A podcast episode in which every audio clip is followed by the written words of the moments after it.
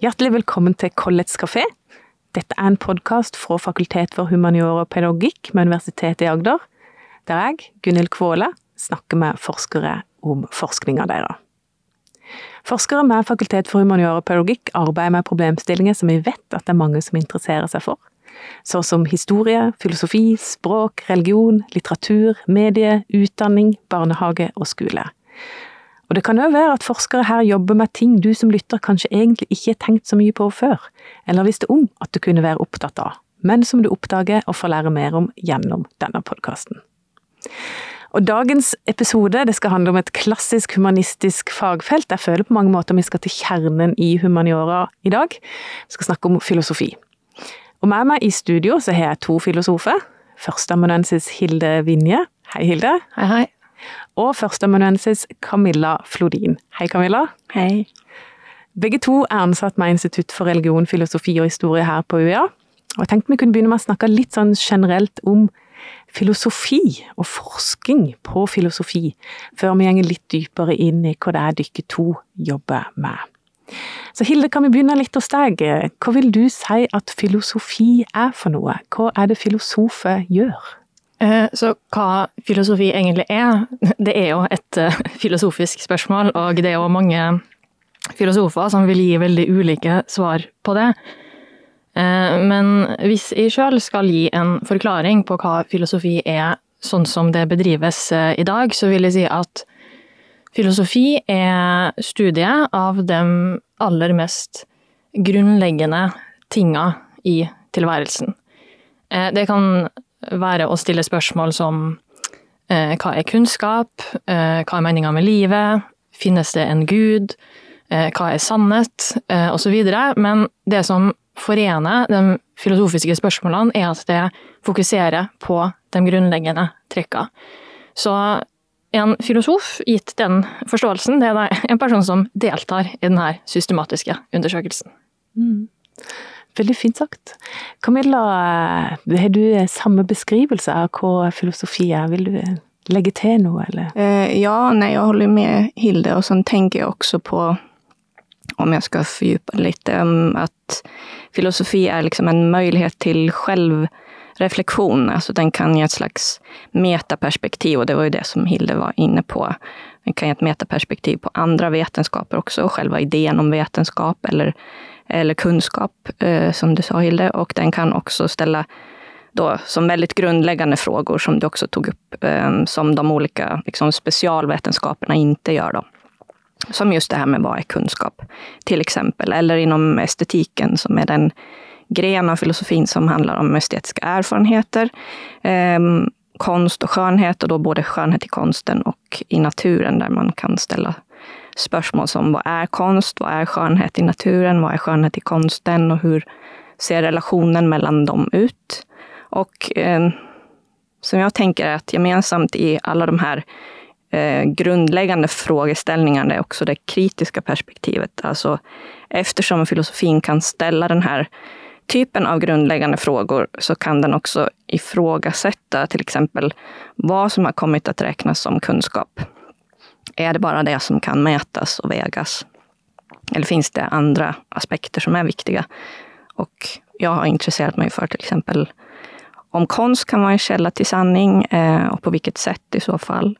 Och just genom den här förmågan till djupgående kritik så kan filosofin, när den är som bäst enligt mig, erbjuda perspektiv som också har potential att leda till förändring av både vårt sätt att tänka och agera. Så, så tenker jeg. Det er veldig interessant. Eh, Camilla, du, vi skal vende tilbake til, til din interesse for, eh, for estetikk senere i samtalen, men, eh, men, Hilde, vil du innledningsvis annonsere noe om hva som deler filosofien det du særlig har vært opptatt av? Eh, generelt så har jeg jobba mye med filosofihistorie. Jeg har også jobbet med noen kontemporære ting, men eh, jeg vender stadig tilbake til, til filosofihistorien, og da særlig eh, den eh, antikke filosofien eh, i, i, det gamle Hellas. La oss snakke litt, litt, mer om det. Altså, filosofi blir jo ofte tett forbundet med filosofihistorie, og Sokrates, Platon og Aristoteles er navn som, som alle kjenner. Eh, hva, hva, verdi har filosofihistorien eh, i dag? Hva verdi har filosofihistorien i seg sjøl? Hva er det med filosofihistorien som gjør at den fortsetter å være så, så levende? Mm. Eh, hvis vi skal snakke om filosofihistorie på et overordna plan, så vil jeg sjøl påstå at eh, en stor del av dens verdi det handler om at filosofihistorien den er jo veldig rik. Eh, den viser oss veldig mange forskjellige måter å drive med filosofi på. Eh, ulike forståelser av hva filosofi er, og hvilke spørsmål som er verdt eh, å stille. Jeg tror f.eks. alle som har lest en dialog av Platon, vet at det er veldig annerledes enn det du får hvis du slår opp i et fagtidsskrift og går på mm. biblioteket og leser samtidsfilosofi i dag. Så denne rikdommen som man finner i filosofihistorie, den er veldig godt egnet til å Ehm, begynne å reflektere over hva filosofien kan være, hva den bør være, og hvilke spørsmål man bør være opptatt av. Da. Og så kan man jo alltid single ut enkeltfilosofer som man mener gir bestemte eh, bidrag som er spesielt interessante, men på et overordna plan så vil jeg si at eh, den eh, det store mangfoldet man finner innenfor eh, eh, historien, eh, er veldig verdifullt for filosofiens selvforståelse. Mm. Så det er jo én ting. Og så er det jo også andre ting man kan fremheve. Sjøl så syns jeg Eh, også at det oppleves som meningsfylt hvis man leser en 2000 år gammel tekst, og så innser man at uh, å ja, også den personen for 2000 år siden satt og funderte på de samme spørsmålene. Og det er kanskje litt andre svar og tanker om det, men eh, det er en måte å gå i dialog med fortida på. Mm. Um, I andre deler av, av vitenskapen snakker vi av og til liksom om at vitenskapen gjør framskritt. Eh, og her er tidslinjene, tenker jeg, eh, ganske annerledes. Altså på en måte interessen for hva kan en 2000 år gammel tekst ha av innsikt eh, for oss eh, i dag. Men gjør filosofien framskritt? Eh, man kunne jo sett for seg at det ville være et problem for filosofien, fordi hvis man fant et svar på filosofiske spørsmål og kunne sette to streker under dem, ja, da ville man jo ikke ha så mye behov for filosofifaget lenger. Um, samtidig så kan man jo også snu om på det og si at ok, hvis det ikke er noe framskritt, hva i alle dager er det egentlig vi holder på med her på universitetet? Uh, Sjøl så tror jeg at filosofien kan gjøre noen fremskritt, men ikke den forstand at den gir oss de her fasitsvarene med to strek under svaret. Uh, noen ganger så kan det være et fremskritt å viser at et forslag til et svar på et filosofisk spørsmål kanskje ikke er så godt eller overbevisende som man først trodde, eh, eller at det er konkurrerende teorier som kanskje har noe for seg likevel. Da. Så det kan man kalle en veldig sånn minimal eh, eh grad av, av framskritt, eh, men det er jo noe ved filosofiens natur som er opptatt av det aller mest eh, grunnleggende, og liksom gå ut på grensene for hva man egentlig kan stille spørsmål ved. Um, så det er jo noe som man uh, ikke kommer unna i, i filosofifaget.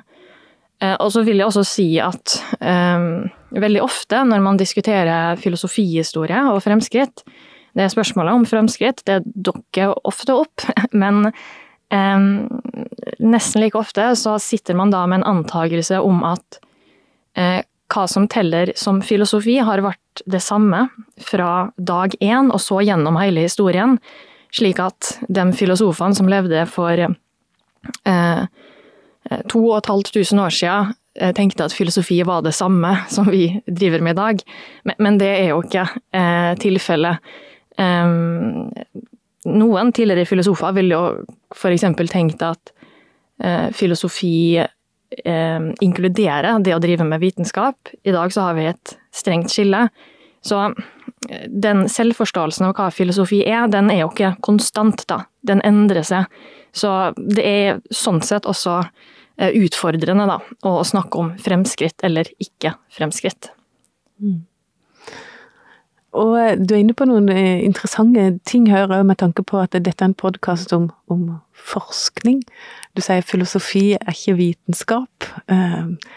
Driver fortsatt forskning innen filosofi. Jeg tror ikke har identitet som forskere, men i mange andre felt så er det jo liksom at forskning er på mange måter forbundet med litt sånn metodiske framgangsmåter. med ja, Historikeren driver arkivarbeid, religionsforskeren driver med kanskje gjør intervju eller feltarbeid eller spørreundersøkelser, eh, lingvister gjør eh, grammatiske analyser, og tekstanalyser. Men, men hva er på en måte eh, den forskende filosofens framgangsmåte? Camilla?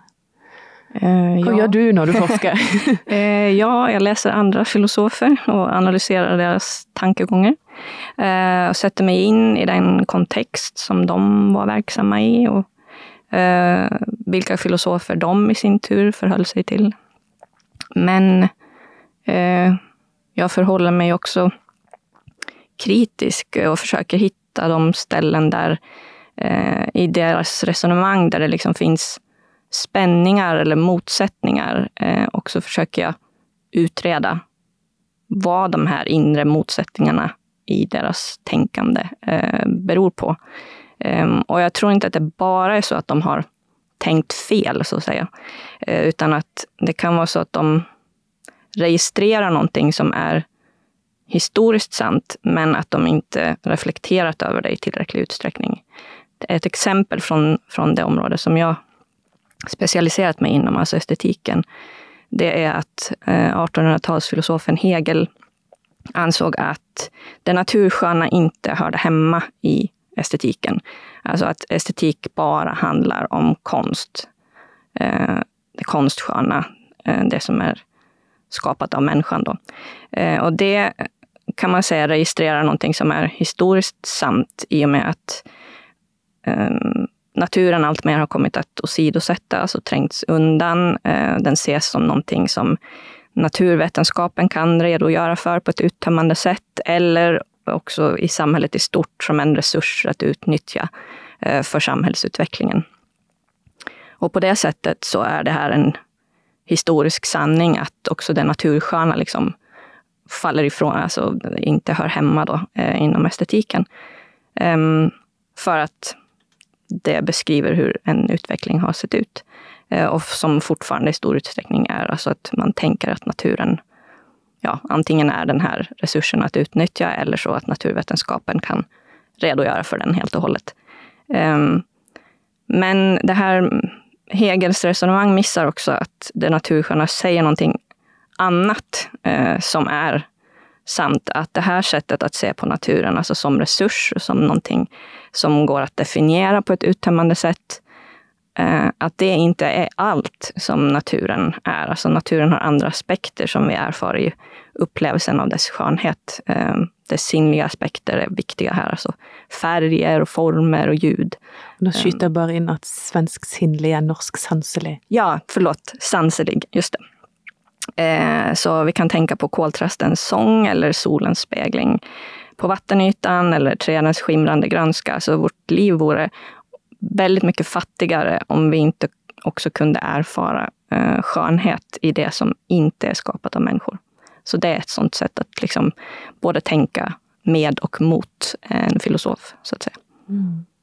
Ja, for filosofer er jo ikke først og fremst empirikere som prøver å avdekke den ytre virkelighet. En kan si det litt naivt, men er det riktig? Tenk da meg, dere må gjerne være uenige, for det er dere som er ekspertene. Bare prøve ut Vel, tenkning. Jeg tror vi også anerkjenner at det finnes jo veldig mange ulike typer filosofer. Ja, si litt om det. Um, altså, det er jo noen uh, filosofer som jobber mer tverrfaglig enn en andre. Um, det stemmer nok at mange filosofer jobber alene og er ganske sånn teoretiske, men uh, det er også mange filosofer som jobber i tett dialog med eh, andre eh, fagfelt. Og sjøl så jobber jeg mye med filosofihistorie, men hvis jeg hadde jobba med annen type filosofi, altså matematikkfilosofi eller fysikkens filosofi, altså, altså der så har, man jo, prøver jo å være i, i, dialog da, med, med, hva de fagene eh, faktisk eh, driver med. Så totalt i isolasjon er man jo ikke eh, nødvendigvis, men um, igjen så vil jeg si at ja, det handler kanskje om å rette blikket mot det som er det mest grunnleggende da, innenfor de her eh, fagfeltene. Mm. Eh, også når det kommer til metode, så finnes det også mange variasjoner. Eh, det å samle inn materiale vil ikke være fremmed for noen filosofer, selv om det kanskje ikke er eh, slik vi jobber, i alle fall i den forstand at man går ut og intervjuer noen, eller samler inn et fysisk materiale av noe slag, da. Mm. Eh, når jeg jobber med filosofihistorie, så er det eh, i stor grad knytta til eh, eldre tekster og ja, lesning av, av originaltekster. Mm.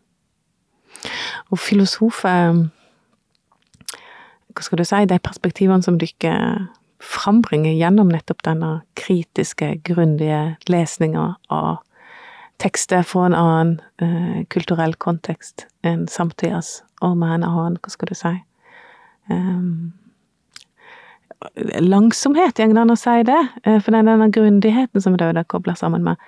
Uh, det kan jeg ofte oppleve at det gjør filosofer til spesielt ettertrakta samarbeidspartnere, fordi at det bringer nettopp noe annet, og innsikter som som i forhold til situasjonen i vår tid, sånn som eh, miljøkrise, sånn som teknologi, eh, ofte gjør at det, det, kommer noen perspektiver med denne viljen til å sette spørsmål med de grunnleggende ting.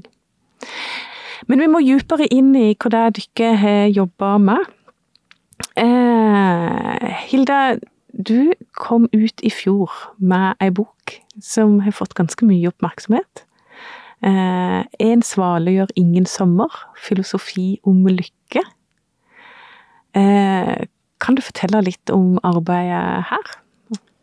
Eh, ja, så det er jo ei bok som tar utgangspunkt i den greske filosofien, som jeg jobba mye med. Og det her sitatet, 'En svale gjør ingen sommer', det er nok kjent for ganske mange i dag, men det er nok ikke like mange som veit at det her sitatet um, kommer fra uh, den greske filosofen Aristoteles og hans diskusjon da, av hva lykke er. Uh, Aristoteles var veldig opptatt av at uh, lykke, eller eudaimonia, som han snakka om, det tar veldig lang tid. Det er ikke noe som er gjort på en dag. Uh, så han skrev at på samme måte som én svale eller én dag ikke nok til å utgjøre noen sommer, så er én dag eller et kort øyeblikk ikke nok for å bli lykkelig. Mm. Så grunnleggende sett så handler denne boka om både Aristoteles, men også andre eh, greske tenkere sine eh, ideer om, om, at lykke er noe som tar veldig lang tid. Eh, og den var litt eh, uenige om hvorfor og akkurat hvilket tidsperspektiv vi skulle ha. Um, noen mente at vi kan ikke vite om noen er lykkelige før livet er over. uh, andre mente at det går til og med an å bli litt mindre eller mer lykkelig etter at man er død, avhengig av hva som skjer med familien og vennene dine. Mm. Mens andre igjen mente at det går an å bli lykkelig mens man lever, men det tar ganske lang tid. Eh, så grunnleggende sett så var tanken min med den boka å eh, løfte frem da, de perspektivene på eh, lykke fra antikken, fordi det er ganske på mange måter annerledes enn den måten vi tenker om lykke i dag, men jeg er også overbevist om at det har en viss felles grunn, da. Så jeg ville få det til å komme litt i dialog med hverandre. Veldig interessant. Men, men hva slags innhold i lykke lykke var det Aristoteles og andre eh, ga Ja, hva slags innhold er det han opererer med i lykke? Ja, du vil la svaret. så for Aristoteles så er lykke, eller eudamonia, eh, grunnleggende sett knytta til det å eh, bruke sine menneskelige evner. Så det er ikke først og fremst en følelse av glede som kommer og går, men det handler om å realisere eh, sitt potensial, for å si det på en litt klisjémessig måte. Eh, men da ikke sånn ditt unike talent, men dine dypest sett grunnleggende menneskelige evner. Så vi må da utvikle visse eh, dyder eller eh, karakteregenskaper som er gode, for å da blomstre som, som mennesker og la vårt potensial komme til uttrykk. Og det kan innebære å utvikle dyder som eh, klokskap, eh, mot, måtehold, sjenerøsitet eh, osv. Når man da bruker de evnene, eh, og gjør det eh, sånn, over lengre tid, da vil man eh, blomstre som menneske, og eh, i alle fall kunne sikre seg den aristoteliske formen for, for lykke. Det er veldig fascinerende perspektiv. Mm. Um, er, det, er, det, Aristoteles som, som, boka di handler om, eller er det andre perspektiv på lykke? Er... Eh, det er også andre eh, grekere inne i bildet, en som er mindre kjent. Um, først og fremst kjent som statsmann og vismann, Solon fra Aten, som um, i alle fall blei tilskrevet ideen om at man ikke kan vite om noen er lykkelig før livet er over. Ja, fortell litt om det. Hva. Hvordan perspektiv på lykke ligger Egentlig et veldig negativt perspektiv på lykke. Eh, Solon, eh, eller i alle fall slik det her synet blir omtalt, eh, knytter jo lykke til en veldig stor grad av flaks, så det blir i stor grad et spørsmål om man møter medgang eller motgang. Eh, mange av de gamle grekerne var jo ganske pessimistiske, eh, og særlig hvis vi leser eh, greske tragedier hvor noens liv går i ruiner og virkelig ødelegges på verst tenkelig vis, så er det mange som viser til denne ideen at man kan ikke kalle noen lykkelig før livet er over.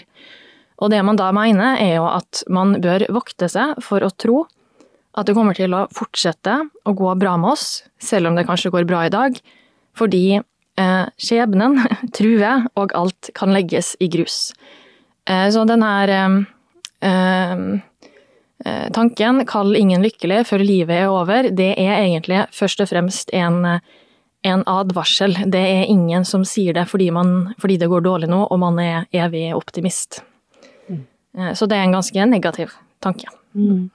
Men, men, ligger det i det perspektivet òg at, at, det er ikke opp til den enkelte å på en måte identifisere sin egen lykke, men, men det kan òg gjøres av andre? Ja, så gitt det her eh, solonske perspektivet, så blir jo egentlig lykken noe vi først og fremst betrakter hos andre. Og det handler om å vurdere og bedømme andres liv, og eh, for å kunne gjøre det, så må man også ta avslutninga i betraktning. Eh, vi kan ikke sitte og reflektere over avslutninga på vår egen liv, på vårt eget liv. Eh, I alle fall sånn det liksom faktisk blir, da, og det som da vil være det avgjørende på vektskåla. Så det her er et utenfra-perspektiv. Eh, men hvis man ser på, på, andre, som Aristoteles, så finner man da det innenfra-perspektivet. At man kan si noen ting om man sjøl er lykkelig. Eh, det blir ikke bare et spørsmål om andres eh, dom over vårt liv. I alle fall slik jeg vil tolke Aristoteles. Jeg får lyst til å snakke videre med deg om dette i mange mange timer, Hilde, men, men dette er en podkast, så vi må jo videre. Eh, Camilla, jeg har jo lyst til å høre enda litt mer om, eh, om dine interesser og hva det er du har jobba med. Og du har allerede sagt litt at det er særlig dette med estetikk og om forholdet mellom, eh, mellom kunst og natur, og òg mellom eh, eh, poesi og filosofi.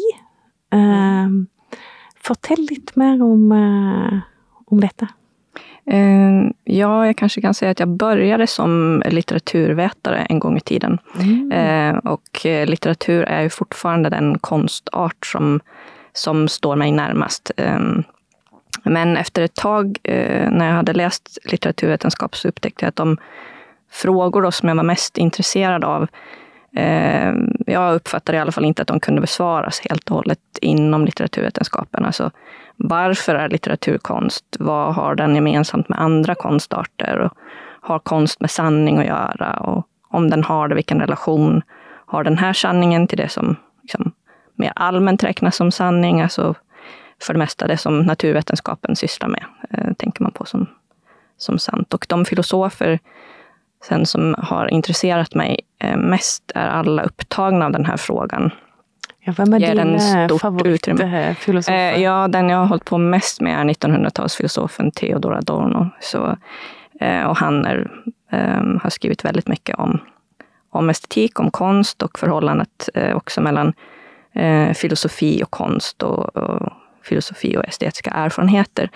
Um, så um, i relation till det jag um, har varit inne på också, så alltså konst um, och uh, den estetiska erfarenheten kan visa att det finns liksom andra uh, sätt, andra måter att förhålla sig till naturen än det här bestämmande, definierande sättet och att det här också skulle kunna um, bidra till att ge nya perspektiv så att vi skulle kunna förändra vårt förhållningssätt till naturen på ett mer övergripande plan i, i samhället.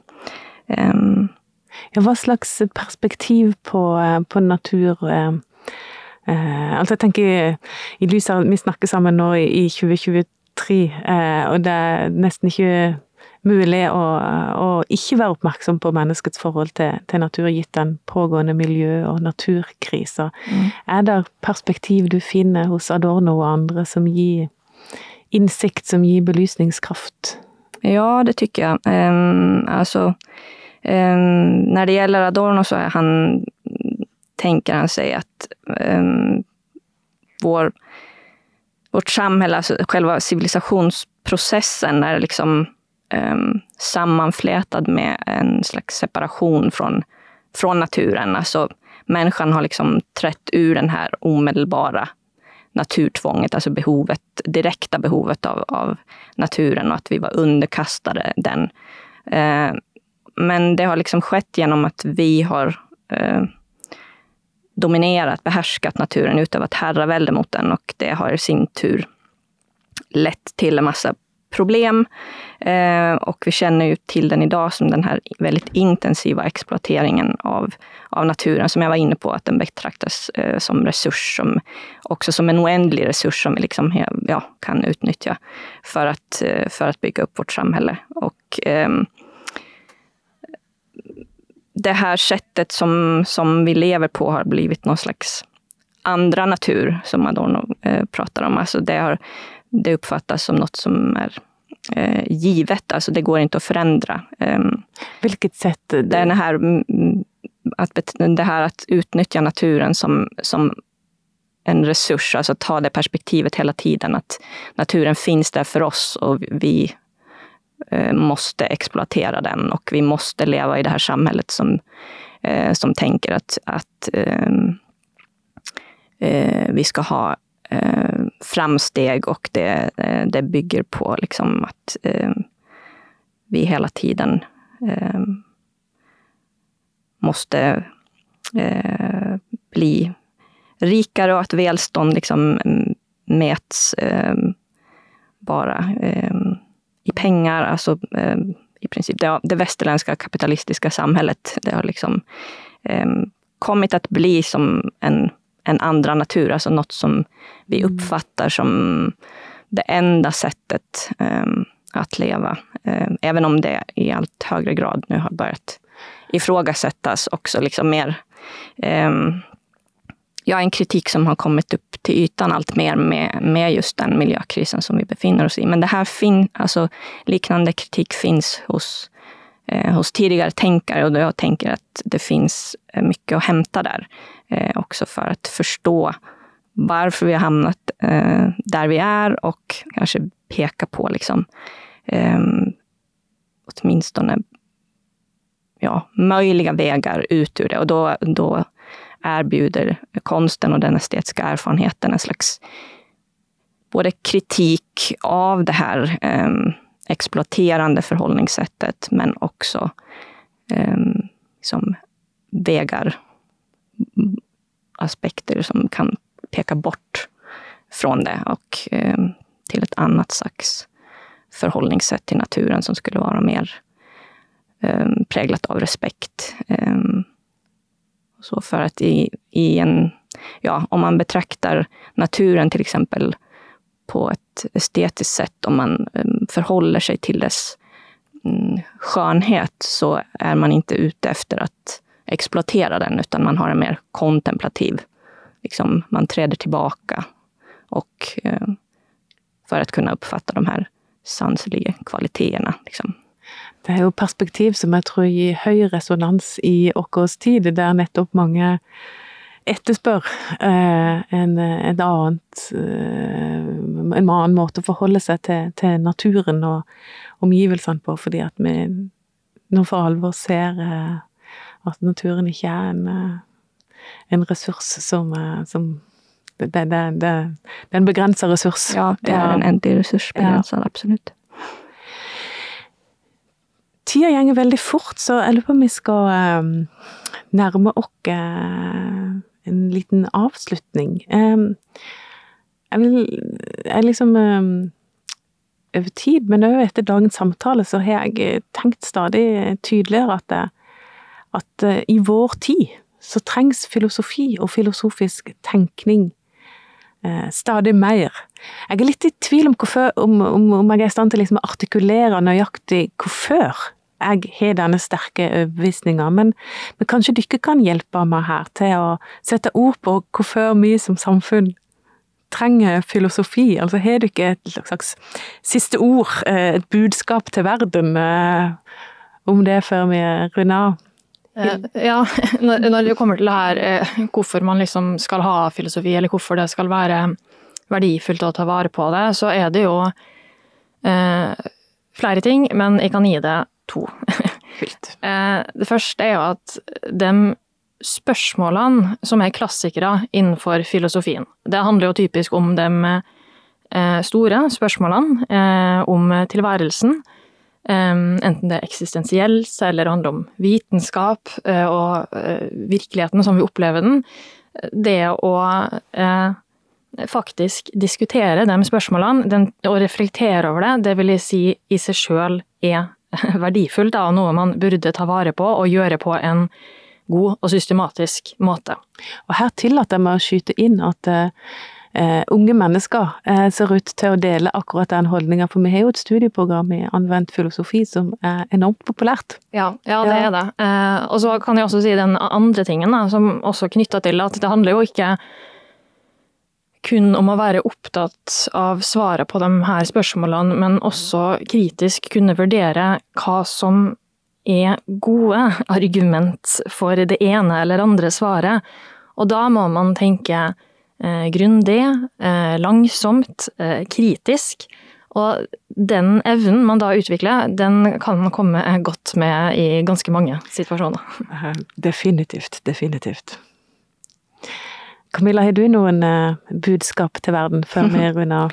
eh, nej, det, jag, jag instämmer i det som, som Hilde sier. just den her, Jeg var jo inne på det tidligere. tidigare, den her ja, kritiska förmågan, eh, ämnet, att man utvecklar det otroligt centralt. Om jag ska sammanfatta det till ett budskap så är det också var självreflexiv, alltså reflektera eh, över eh, ditt eget eh, eh agerande, men också över eh, hur verkligheten ser ut. just att odla det här förmågan till til kritisk perspektiv. Det tror jeg er et uh, av de, en av de viktigste sakene som filosofien kan bidra med. Og les gode bøker. Ja. da sier jeg tusen takk til dere begge for å ha tatt dere tid til å komme her i studio med meg. Takk for invitasjonen. Ja, takk så mye. Det var altså Hilde Vinje og Camilla Flodin, begge som er førsteamanuensis i filosofi her ved UiA. Så Collets kafépodkast takker for denne gang, og så høres vi plutselig igjen. Takk for nå.